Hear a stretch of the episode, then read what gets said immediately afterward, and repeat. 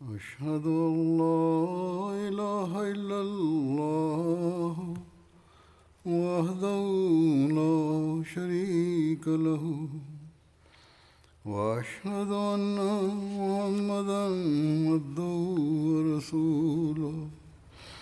أما بعد فأعوذ بالله من الشيطان الرجيم.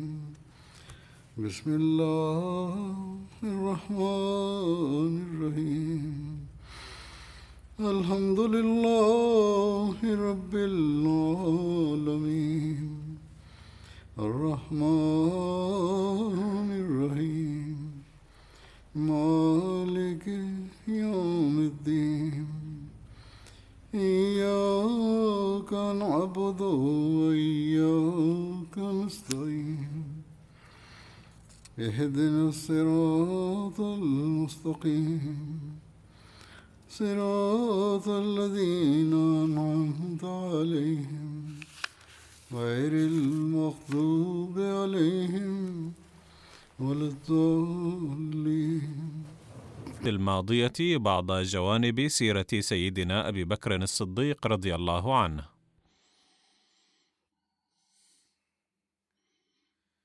ونجد في الكتب أن من خصاله الحميدة أنه كان شغوفا بخدمة الخلق وإطعام الفقراء. كان أبو بكر عند أهل مكة من خيارهم.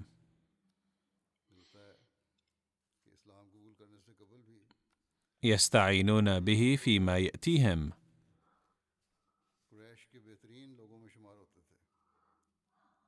وكانت له بمكة مجالس ضيافة ويقيم فيها ولائم كثيرة.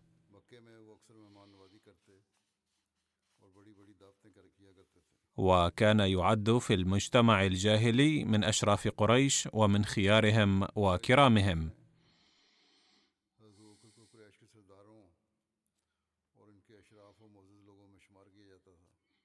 وكان الناس يستعينون به فيما نابهم.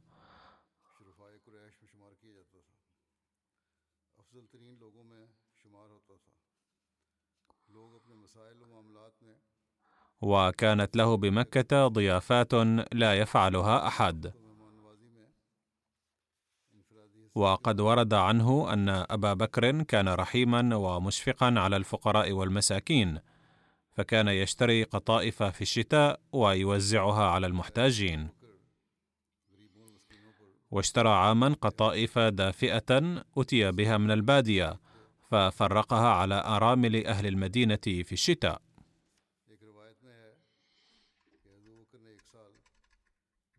وفي رواية أنه قبل أن ينتخب خليفة كان يحلب للحي أغنامهم.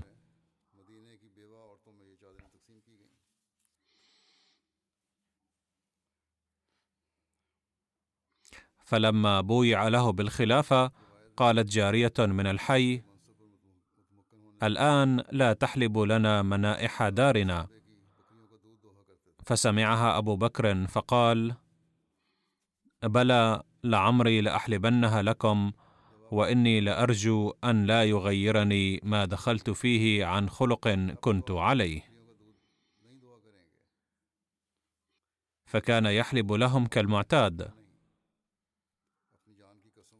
فربما قال للجارية من الحي يا جارية أتحبين أن أرغي لك أو أصرح؟ فربما قالت أرغي. وربما قالت صرح فأي ذلك قالت فعل فمكث كذلك يقدم هذه الخدمة ستة أشهر في أيام الخلافة ثم استقر في المدينة.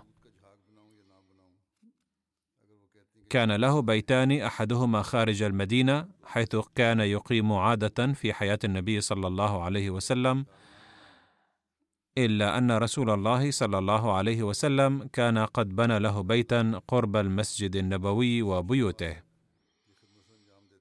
وإضافة إلى ذلك كان له بيت آخر أيضا في المدينة. لكنه كان يقيم عادة في بيته في ضاحية المدينة في حياة النبي صلى الله عليه وسلم. وبعد أن انتخب خليفة انتقل إلى المدينة.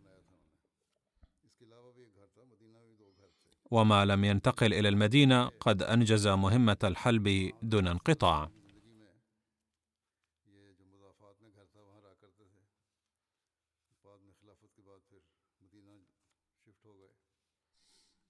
كان عمر بن الخطاب رضي الله عنه يتعهد عجوزا كبيرة عمياء في بعض حواشي المدينة من الليل فيسقي لها ويقوم بأمرها.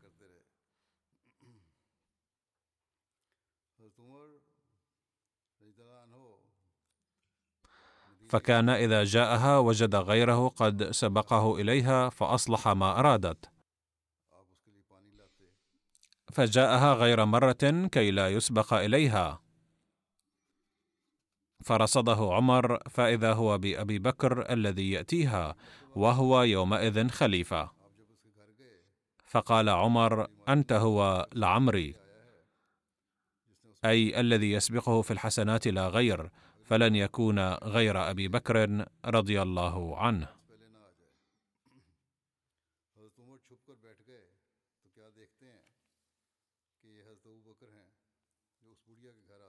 وفي رواية حدثنا موسى بن إسماعيل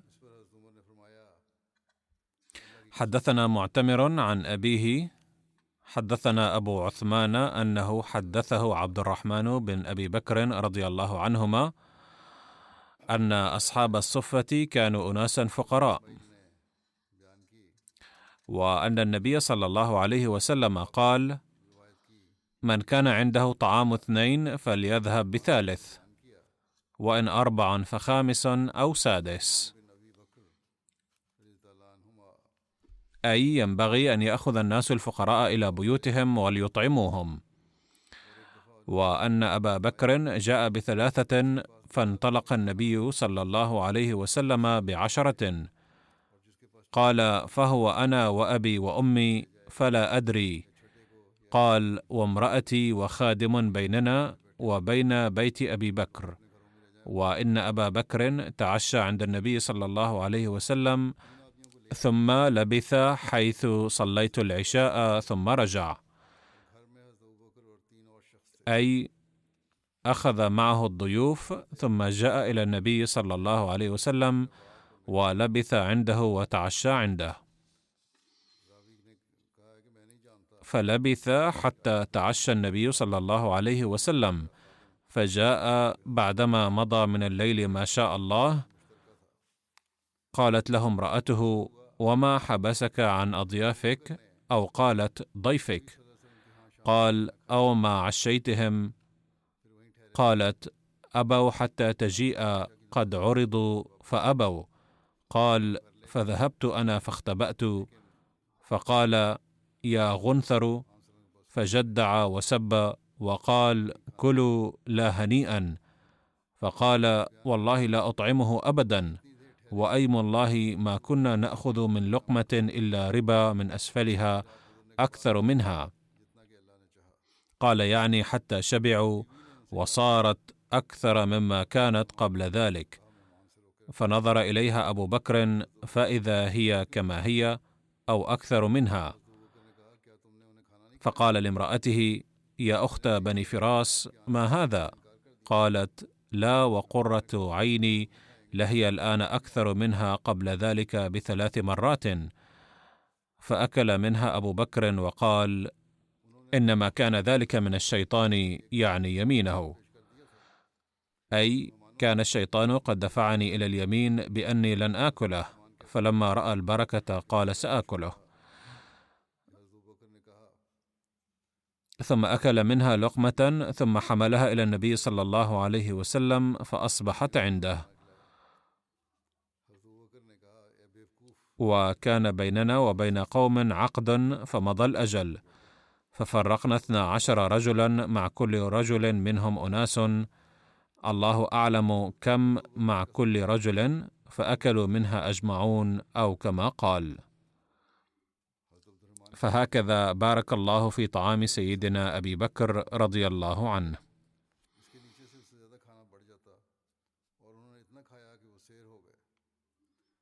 عن عبد الرحمن بن أبي بكر قال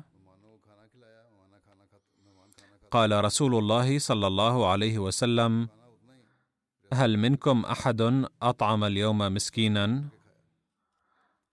فقال أبو بكر رضي الله عنه دخلت المسجد فإذا أنا بسائل يسأل فوجدت كسرة خبز في يد عبد الرحمن فأخذتها منه فدفعتها إليه.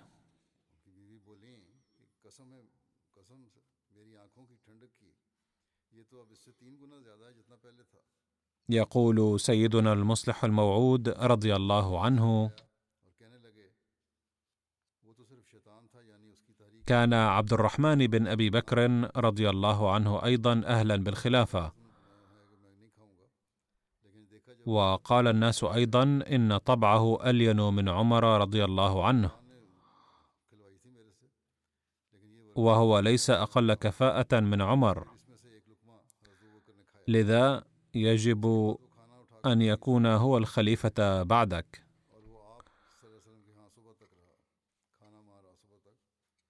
ولكن أبا بكر رضي الله عنه اختار عمر رضي الله عنه ليتولى الخلافة.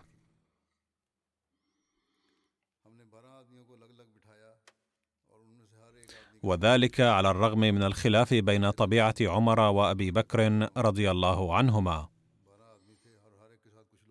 إذا لم يستفد أبو بكر رضي الله عنه من الخلافة على المستوى الشخصي بل كان يرى أن الفضل يكمن في خدمة الخلق فقط.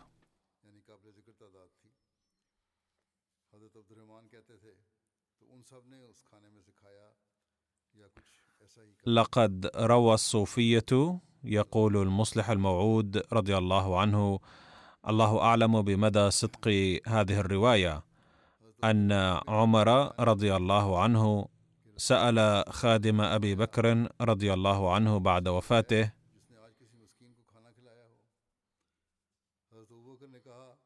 ما هي الأعمال الصالحة التي كان يكسبها سيدك لأكسبها أنا أيضا؟ فذكر الخادم من جملة الأعمال أن أبا بكر رضي الله عنه كان يذهب بالخبز إلى جانب كذا. وكان يأمرني أن أقف في مكان بينما كان يواصل الطريق إلى الأمام.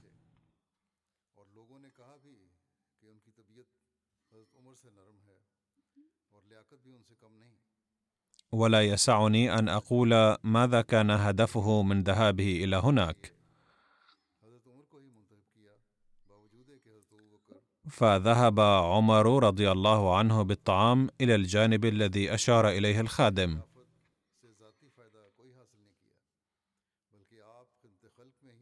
ورأى هنالك شخصا ضريرا معاقا مبتور الأطراف جالسا في مغارة.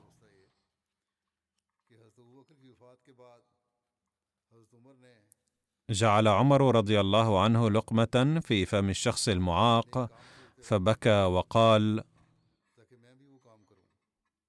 رحم الله أبا بكر كم كان إنسانا بارا. قال عمر رضي الله عنه كيف علمت أن أبا بكر رضي الله عنه قد مات؟ قال ليس في فمي أسنان فكان أبو بكر يمضغ اللقمة قبل أن يضعها في فمي.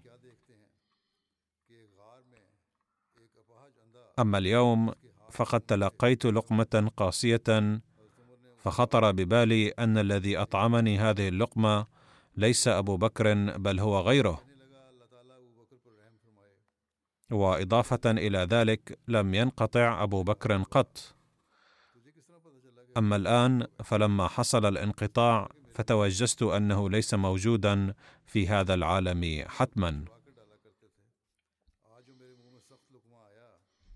يقول المصلح الموعود رضي الله عنه اذا ماذا استفاد أبو بكر رضي الله عنه من الحكم؟ لم يستفد شيئا من الخلافة أو الملك الذي تولاه. هل عد أموال الحكومة امواله أو هل عد أملاكا حكومية ملكا له؟ كلا بل كل ما حصل عليه أقاربه كان من أملاكه الشخصية. إنما الميزة التي كان يتميز بها هي الخدمة التي قام بها بجدارة. يقول المسيح الموعود عليه السلام إن للشريعة جزئين فقط. أحدهما حق الله والثاني حق العباد. فما هو حق الله؟ إنما هو أن نعبده ولا نشرك في عبادته أحدا وننصرف إلى ذكره على الدوام ونستجيب لأوامره ونمتنع عما نهانا عنه ونجتنب ما حرمه علينا وغير ذلك من الأمور. يقول المسيح الموعود عليه السلام إن للشريعة جزئين هما حق الله وحق العبادة انظروا إلى النبي صلى الله عليه وسلم كيف قضى حياته في الخدمات. ثم انظروا إلى علي رضي الله عنه كان قد رقع قميصه لدرجة لم يبقى منه مكان. وكان أبو بكر رضي الله عنه من دأبه أن يطعم عجوزا حلوى كل يوم بانتظام لدرجة قالت تلك العجوز يوم توفي أبو بكر بأنه قد مات اليوم. فسألها الجيران هل تلقيت الهاما أو وحيا؟ فقال لا بل لم ياتي اليوم بحلوى فعرفت أنه مات. أي كان من المستحيل الا يحضر الحلوى في حياته. فانظروا ما أروع الخدمة وكذلك يجب على كل واحد أن يخدم الخلق. كيف كان مستواه لستر الناس؟ فهناك رواية بهذا الخصوص. أن أبا بكر رضي الله عنه كان يقول لو أخذت سارقا لأحببت أن يستره الله. أما شجاعة أبي بكر وبسالته فقد ورد عنها كان أبو بكر ذا شجاعة وبسالة متجسدة وما كان يبالي بأشد الأخطار أيضا في سبيل الإسلام وبسبب حبه للنبي صلى الله عليه وسلم. وفي فترة العيش في مكة أيضا كلما رأى رضي الله عنه أي خطر أو ما من شأنه أن يسبب إيذاء للنبي صلى الله عليه وسلم تصدى له وقام بحمايته صلى الله عليه وسلم ونصره بكل ما في وسعه. وفي أثناء فترة الأسر والحصار الممتدة على ثلاث سنين في شعب أبي طالب وقف مع النبي صلى الله عليه وسلم بكل ثبات ورباطة الجأش. كذلك نال شرف رفقة النبي صلى الله عليه وسلم ومعيته في الهجرة مع أن الظروف كانت تهدد بالخطر على حياته. لم يكتفي أبو بكر بالاشتراك فقط في الغزوات كلها بل أدى واجب حماية النبي صلى الله عليه وسلم أيضا. وبالنظر إلى شجاعته رضي الله عنه وبسالته سأل علي رضي الله عنه الناس ذات مرة يا أيها الناس من أشجع الناس؟ فقالوا أنت يا أمير المؤمنين. فقال أما إني ما بارزني أحد إلا انتصفت منه ولكن هو أبو بكر. إنا جعلنا لرسول الله صلى الله عليه وسلم عريشا فقلنا من يكون مع رسول الله صلى الله عليه وسلم لئلا يهوي إليه أحد من المشركين؟ فوالله ما دنا منا أحد إلا أبو بكر شاهرا بالسيف على رأس رسول الله صلى الله عليه وسلم لا يهوي إليه أحد إلا أهوى إليه فهذا أشجع الناس. عندما انتشرت شائعة استشهاد النبي صلى الله عليه وسلم في غزوة أحد كان أبو بكر رضي الله عنه أول من وصل إليه شاقا طريقه من بين زحام الناس. قيل إن أحد عشر من الصحابة فقط كانوا مع النبي صلى الله عليه وسلم حين ذاك بمن فيهم؟ أبو بكر وسعد وطلحة والزبير وأبو دجانة رضوان الله عليهم. كما كان أبو بكر ضمن حفنة من المخلصين الذين عينوا على الجبل لحماية النبي صلى الله عليه وسلم يوم أحد. كان رضي الله عنه مع النبي صلى الله عليه وسلم في غزوة الخندق. وكان ممن نقلوا التراب في الثياب أثناء حفر الخندق. كان بطبيعة الحال ضمن المبايعين المخلصين والمضحين بحياتهم بمناسبة صلح الحديبية. وعندما كتبت معاهدة الصلح ضرب أبو بكر مثلا أعلى لقوة الإيمان والصمود والفراسة وطاعة النبي صلى الله عليه وسلم وحبه لدرجة لم ينسه عمر رضي الله عنه مدى حياته. وقد اشترك رضي الله عنه في غزوة الطائف أيضا مع ابنه عبد الله الذي كان شابا يوم ذاك وقتل في هذه الغزوة. وعندما خرج رسول الله صلى الله عليه وسلم لغزوة تبوك مع جيش قوامه ثلاثون ألف جندي عين أكثر من قائد وأعطاهم رايات وقد أعطي أبو بكر رضي الله عنه أكبر راية بهذه المناسبة.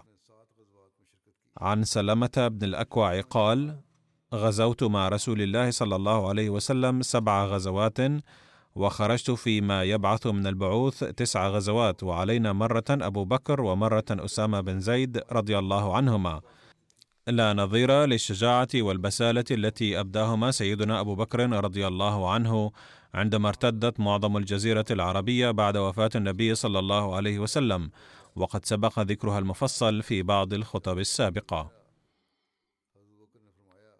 يقول سيدنا المصلح الموعود رضي الله عنه بهذا الشأن ذات مرة خلق الكافرون النبي صلى الله عليه وسلم برداء خنقا شديدا ولما علم أبو بكر رضي الله عنه بذلك أتى مسرعا ودفع عنه الكافرين وقال لهم ألا تخافون الله تعالى؟ أتقتلون رجلا أن يقول ربي الله ولم يطلب منكم مالا ولا عقارا؟ فلماذا تكادون تقتلونه؟ يقول الصحابة بأننا كنا نحسب أبا بكر أشجعنا في زمننا. كان العدو يزعم أنه لو قتل محمد رسول الله صلى الله عليه وسلم لا قضي على الإسلام. وقد رأينا أن أبا بكر رضي الله عنه كان يقف مع النبي صلى الله عليه وسلم دائما ليتصدى لكل من يهاجمه.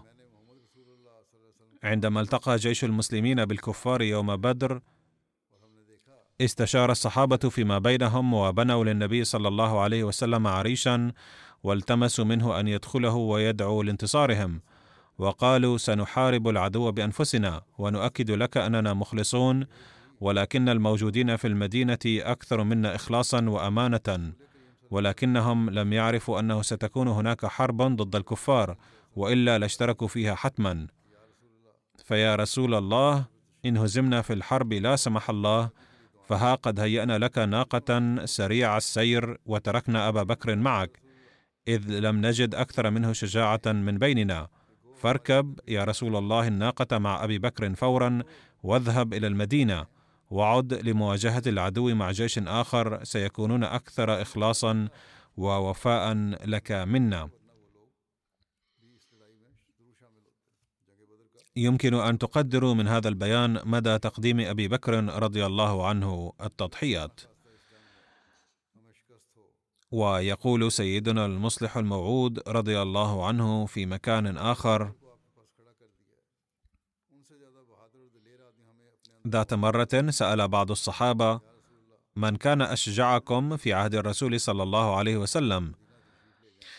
فكما يثار هذا السؤال في هذه الأيام بين الشيعة والسنة كثيرا كذلك كان الناس عندها أيضا يكيلون الثناء والمدح لمن ينحازون له. فقال الصحابة كان أشجعنا أقربنا من الرسول صلى الله عليه وسلم موقعا في القتال والحق أن هذا الأمر لا يستوعبه إلا الخبير بالقتال. ذلك أن العدو يسعى دائما للقضاء على روح الأمة وقائدها حتى تنتهي القضية بانتهائه. ولذلك يكثف هجومه حيث قائد العدو فلا يتثبت حوله إلا أشجع القوم.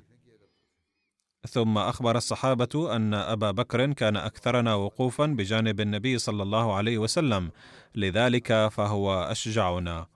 ثم يقول رضي الله عنه يقول سيدنا المصلح الموعود رضي الله عنه في بيان تفسير الآية الثانية من سورة الإسراء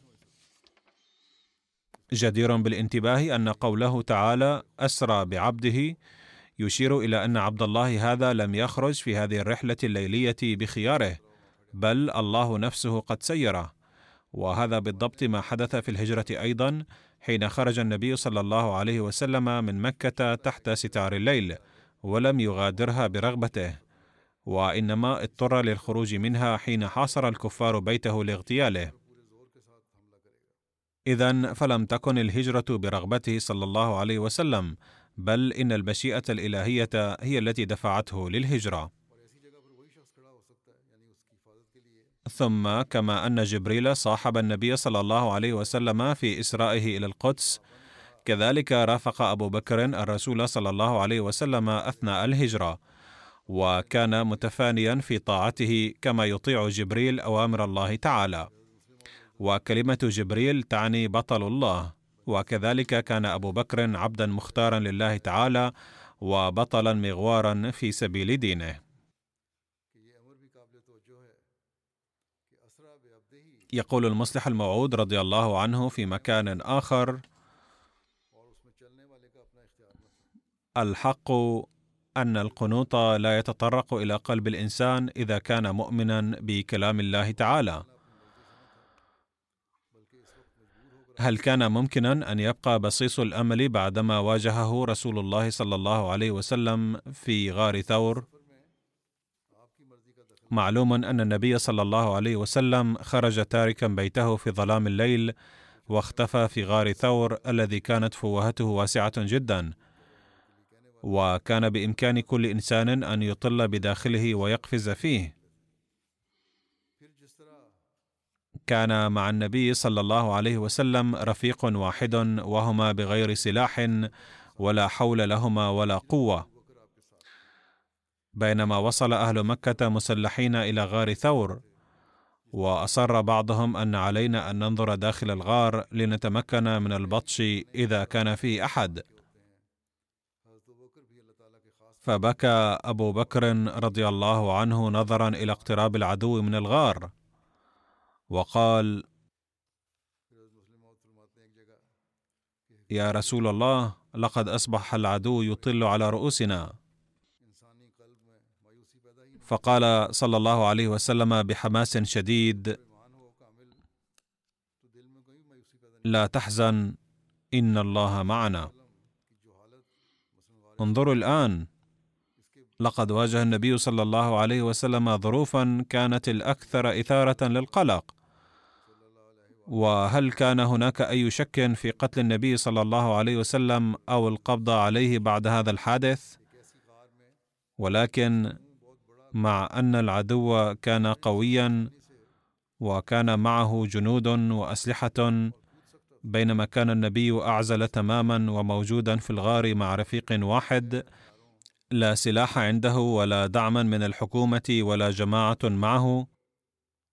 وعلى الرغم من رؤية العدو بعدد كبير ماثلا أمامه قال لا تحزن إن الله معنا. لماذا تقول يا أبا بكر إن العدو قوي؟ هل هو أقوى من الله؟ فما دام الله تعالى معنا فلماذا نقلق ونحزن؟ علما أن قلق أبي بكر رضي الله عنه لم يكن من أجل نفسه بل من أجل النبي صلى الله عليه وسلم. يقدم بعض الشيعة هذا الحادث ويقولون إن أبا بكر كان عديم الإيمان والعياذ بالله. فخاف التضحية بحياته مع أنه قد ورد في كتب التاريخ بكل وضوح أنه عندما قال النبي صلى الله عليه وسلم لا تحزن إن الله معنا قال أبو بكر رضي الله عنه يا رسول الله لا أخاف على نفسي لأنه لو قتلت أنا لقتل شخص واحد فقط بل أخاف عليك لأنه لو لحق بك ضرر لانمحى الحق من وجه الأرض.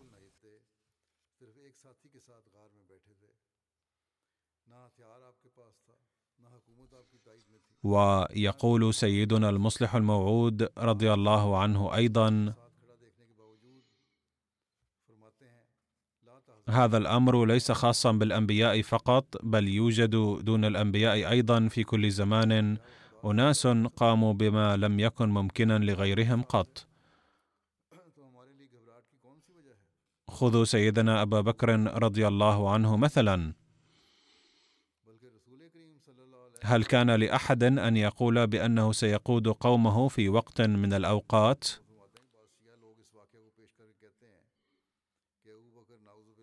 كان يظن بوجه عام أنه كان ذو طبع ضعيف وقلب رقيق ويحب الصلح في كل الأحوال. ثم انظروا إلى زمن النبي صلى الله عليه وسلم سترون أنه صلى الله عليه وسلم لم يعين أبا بكر رضي الله عنه قائدا للجيش في أي حرب مهمة. وإن كان قد أمر على بعض الغزوات الصغيرة. أما في الحروب الكبيرة فقد عين غيره قادة دائما. كما لم يكلف حتى بتعليم القرآن الكريم وأمور القضاء وما شابهها أيضا.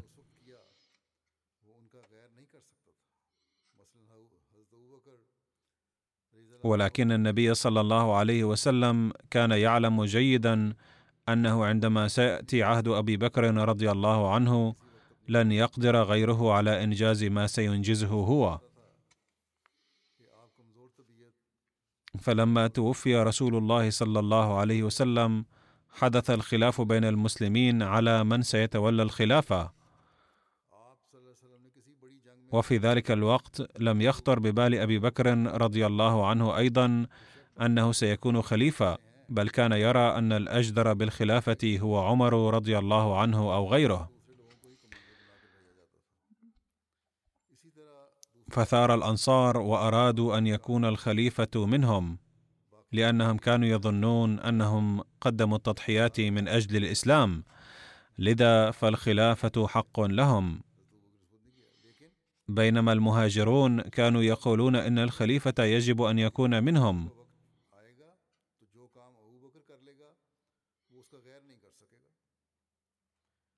باختصار قد اندلع شجار إثر وفاة النبي صلى الله عليه وسلم.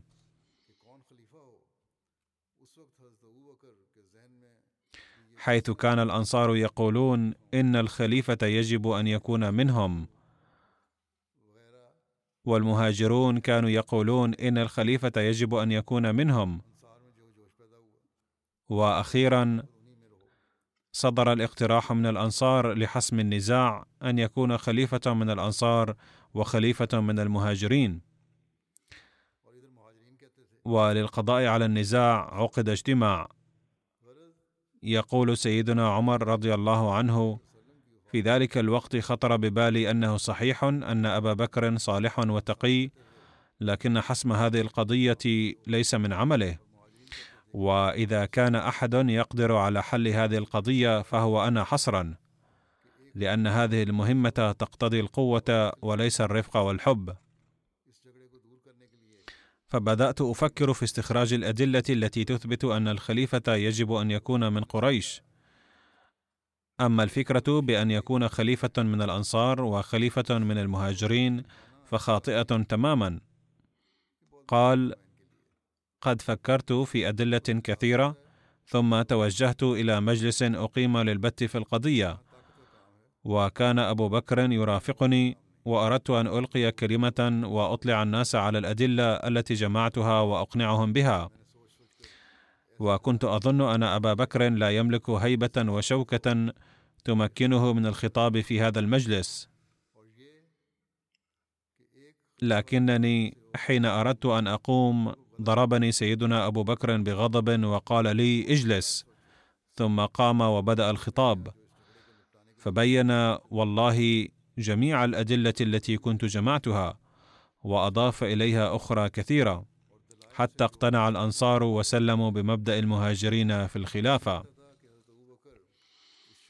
فكان أبو بكر نفس الرجل الذي قال عنه عمر رضي الله عنه أنه ذات يوم قد قميصه في السوق على نزاع وأراد أن يضربه. وكان أبو بكر نفس الرجل الذي كان يقول عنه النبي صلى الله عليه وسلم كثيرا إنه رقيق القلب. لكنه حين آن أوان وفاة النبي صلى الله عليه وسلم قال للسيدة عائشة رضي الله عنها: يخطر ببالي كثيرا أن أقول للناس أن يجعلوا أبا بكر خليفة بعدي، ثم أمتنع لأن قلبي يعرف أن الله تعالى والمؤمنون سيأبون إلا أن يجعلوا أبا بكر خليفة. فهذا ما حدث حصرا وانتخب خليفة. كان حضرته رقيق القلب لطيف الطبع لدرجة تقدم عمر ذات يوم ليضربه في السوق ومزق ثيابه. لكن أبا بكر اللطيف ورقيق القلب نفسه قد أتى عليه زمن جاءه فيه سيدنا عمر رضي الله عنه وقال له إن العرب كلهم معارضون وتقام الصلاة جماعة في مكة والمدينة وفي قرية صغيرة أخرى فقط. وصحيح أن بقية الناس يصلون لكنهم لسبب الخلاف المتفاقم لا يريدون أن يصلي بعضهم خلف بعض ولا يريدون أن يسمعوا لأحد. والعرب الجهله الذين أسلموا قبل خمسة أو ستة أشهر فقط يريدون أن يعفى عنهم الزكاة. فهم لا يدركون أهمية الزكاة فما الضير إذا أعفيتهم عنها لسنة أو سنتين؟ فعمر الذي كان دوما يمسك السيف بيده في حال صدور تصرف غير لائق بسيط من أحدهم كان يستأذن النبي صلى الله عليه وسلم في ضرب عنقه. قد ارتعب من هؤلاء الناس وفزع كثيرا وجاء إلى أبي بكر رضي الله عنه وطلب منه أن يعفي الزكاة عن هؤلاء الجهلة لمدة من الزمن. ويمكن أن نفهمهم الأمر تدريجيا. لكن أبا بكر الذي كان رقيق القلب لدرجة يقول عمر رضي الله عنه أنه ذات يوم تقدم إليه ليضربه ومزق ثيابه فقد نظر إلى عمر بمنتهى الغضب أي قال عمر ينبغي الا يسأل المتمردون ولا يؤخذ منهم الزكاة لسنتين وبعد ذلك سنفهمهم. وقال له يا عمر هل تطلب مني امرا لم يعمله الله ورسوله؟ فقال له سيدنا عمر هذا صحيح لكنهم حديثو العهد وجيش العدو قد وصل إلى أسوار المدينة. فهل من الأفضل أن يتقدم هؤلاء ويعيثوا في المدينة فسادا وتحدث الفرقة في المدينة؟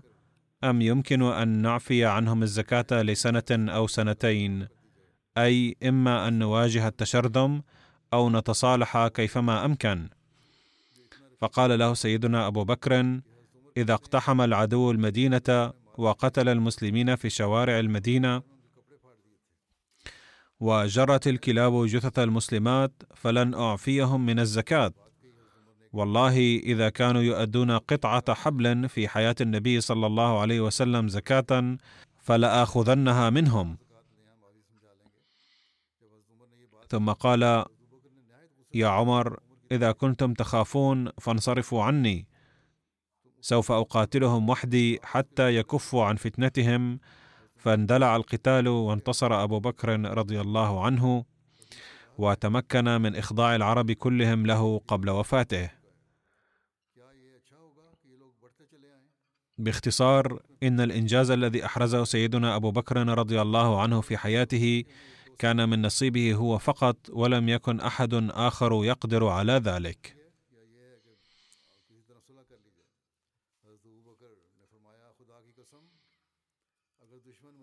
يقول سيدنا المصلح الموعود رضي الله عنه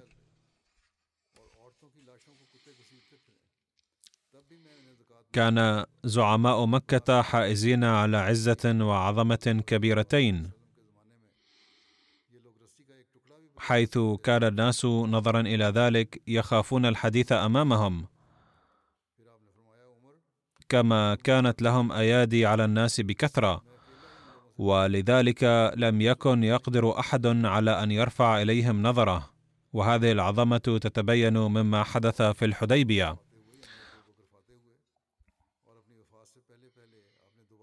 إذ إن الممثل الذي كان أرسله أهل مكة للتفاوض مع رسول الله صلى الله عليه وسلم لمس بيده لحية النبي صلى الله عليه وسلم أثناء تبادل الحديث.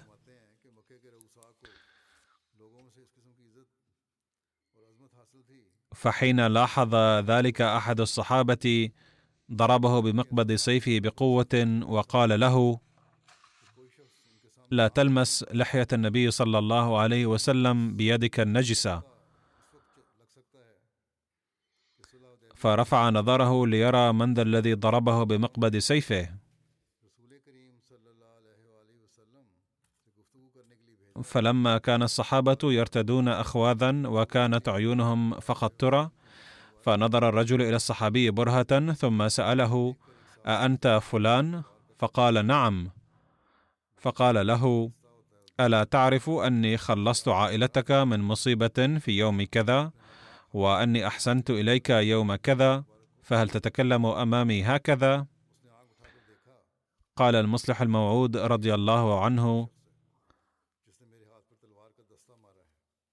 الآن قد شاع في الناس نكران الجميل كثيرا بحيث ينسى الرجل صباحا من أحسن إليه ليلا ويقول هل أبقى له خادما طوال الحياة؟ فلا يتحمل أن يقدر المنة مدة ليلة واحدة ناهيك عن حياة كاملة.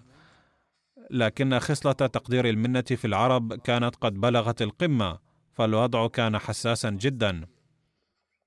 ومع ذلك حين ذكر ذلك الزعيم أياديه على ذلك الصحابي خضعت عيناه خجلا وتنحى. فاستأنف الزعيم الحديث مع النبي صلى الله عليه وسلم وقال له: أنا أبو العرب وأتوسل إليك أن تصون كرامة قومك، فهؤلاء الذين اجتمعوا حولك سينفضون عنك عند حلول المصيبة فورا، ولن ينفعك إلا قومك، فلماذا إذا تذل قومك؟ أنا أبو العرب فاقبل ما أقول لك. وارجع دون العمرة كما أقول لك، وخلال قوله هذا لمس بيده مرة أخرى لحيته المباركة تأكيدا على كلامه وكان ذلك التماسا منه لكي يقبل النبي صلى الله عليه وسلم كلامه.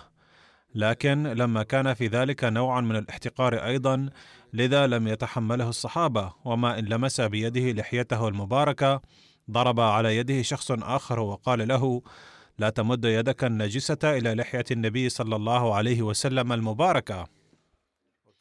فرفع نظره من جديد وإمعان ليعرف من هذا الرجل الذي نهاه وأخيرا حين عرفه أغضى عينيه. فعرفه الرجل الذي جاء ممثلا للكفار فغض بصره وقال هذا أبو بكر. ثم قال يا أبا بكر إني أعلم أنه ليس لي منة عليك. فكانت العرب أمة تحسن إلى الناس بكثرة حيث كانت لذلك الزعيم منة على كل واحد من الأنصار والمهاجرين إلا أبا بكر رضي الله عنه. فلم يجرؤ أحد منهم على أن يكف يده إلا أبو بكر إذ كان هو الوحيد الذي لم تكن عليه منة لذلك الزعيم.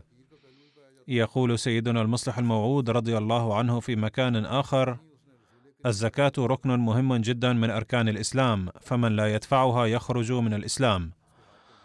بعد وفاة النبي صلى الله عليه وسلم وفي عهد سيدنا أبي بكر رضي الله عنه لما رفض بعض الناس دفع الزكاة وقالوا إن قول الله تعالى خذ من أموالهم صدقة تطهرهم وتزكيهم بها وصل عليهم كان خاصا بالنبي صلى الله عليه وسلم فقط فما دام قد مات فمن ذا الذي يستطيع أن يأخذ منا الزكاة بعده؟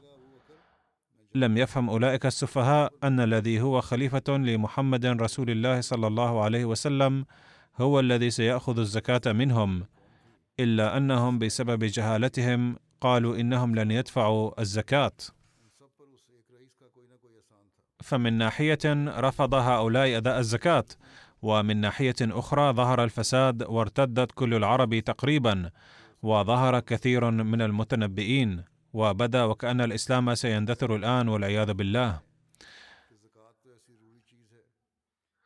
وفي تلك الأوضاع الحرجة جدا قال الصحابة لسيدنا أبي بكر رضي الله عنه أن يرفق بمنكري الزكاة مؤقتا. وقال سيدنا عمر الذي يقال أنه كان شجاعا جدا مهما كنت شجاعا إلا أن شجاعتي لا تبلغ شجاعة أبي بكر.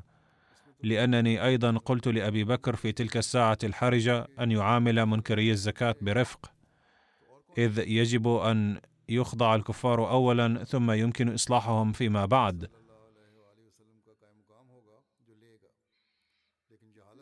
لكن أبا بكر رضي الله عنه قال ما كان لابن أبي قحافة أن يلغي الأمر الذي أمر به النبي صلى الله عليه وسلم وسأقاتلهم ما لم يدفعوا الزكاة كاملة وما لم يدفعوا عقال بعير كانوا يؤدونه في حياة النبي صلى الله عليه وسلم. عندها علم الصحابة مدى شجاعة وبسالة من يجعله الله خليفة وبالفعل اخضعهم سيدنا أبو بكر في نهاية المطاف ولم يتركهم حتى أخذ منهم الزكاة.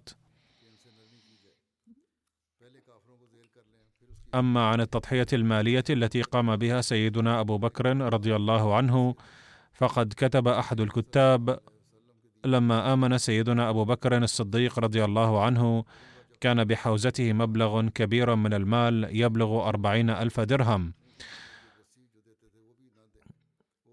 وهذا بالطبع إضافة إلى أموال التجارة والممتلكات الأخرى.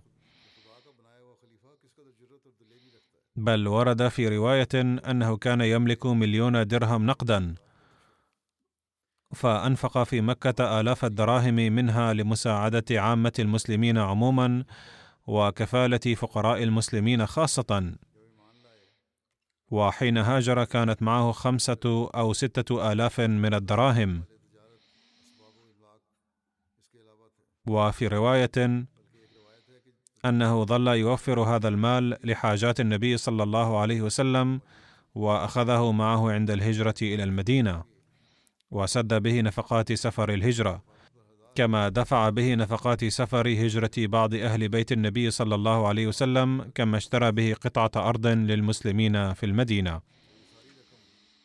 وعن ابن عباس قال خرج رسول الله صلى الله عليه وسلم في مرضه الذي مات فيه عاصبا رأسه بخرقة فقعد على المنبر فحمد الله وأثنى عليه ثم قال إنه ليس من الناس أحد أمن علي في نفسه وماله من أبي بكر بن أبي قحافة. وعن أبي هريرة قال قال رسول الله صلى الله عليه وسلم ما نفعني مال قط ما نفعني مال أبي بكر. فبكى أبو بكر وقال هل أنا ومالي إلا لك يا رسول الله؟ يقول سيدنا المصلح الموعود رضي الله عنه قال سيدنا عمر رضي الله عنه خطر ببالي في إحدى مناسبات الجهاد أن أبا بكر رضي الله عنه يسبقني دائما وسوف أسبقه اليوم. فذهبت إلى بيتي وأخرجت نصف مالي وجئت به إلى النبي صلى الله عليه وسلم. وكان ذلك الزمن زمنا عصيبا على الإسلام ولكن أبا بكر رضي الله عنه جاء بكل ماله. وكتب سيدنا المصلح البوعود رضي الله عنه في موضع آخر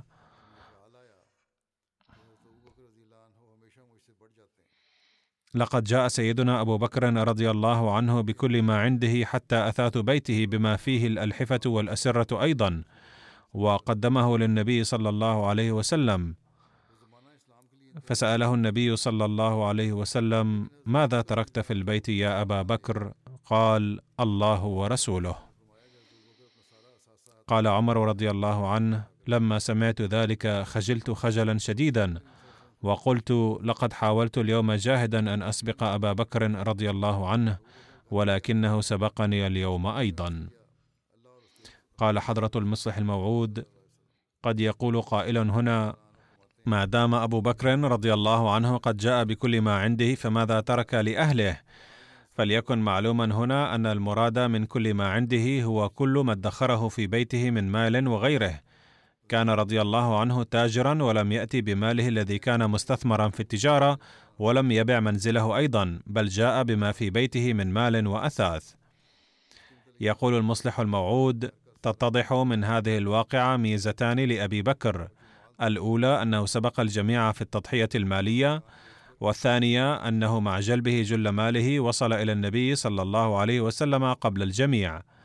أما الذين قدموا أقل منه فظلوا يفكرون فيما يتركونه في البيت وما يأتون به.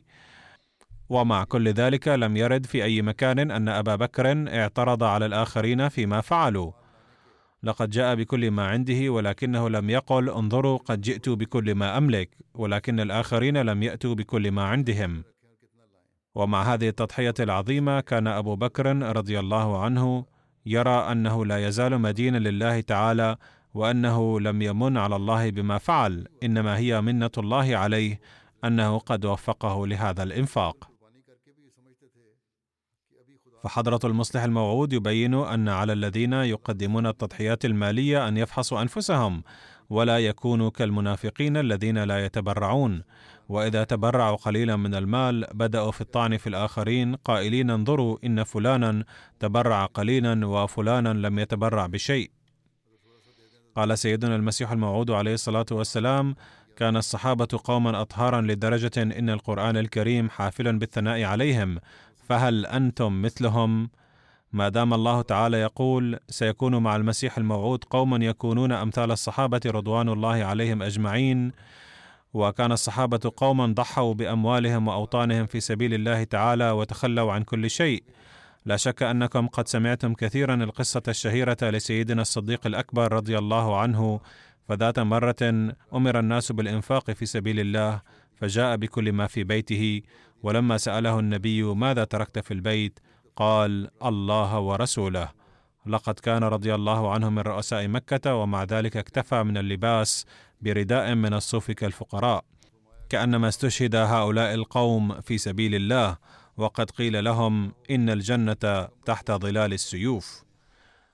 ثم يقول سيدنا المسيح الموعود عليه السلام انظروا إلى الصحابة رضوان الله عليهم فعندما جاء وقت الاختبار قدم كل واحد منهم جل ما يملكه. وجاء أبو بكر رضي الله عنه قبل الآخرين ملتفا ببطانية فقط أي جاء بكل ما يملك مرتديا بطانية فقط وما أروع ما جزاه الله به حيث صار أول خليفة. إنما قصدي من كل هذا الكلام أن أبين أنه لا ينفع في سبيل الفوز بالكمال الحقيقي والخير والبركة والمتعة الروحانية إلا المال الذي ينفق في سبيل الله تعالى. والباقي فيما بعد إن شاء الله.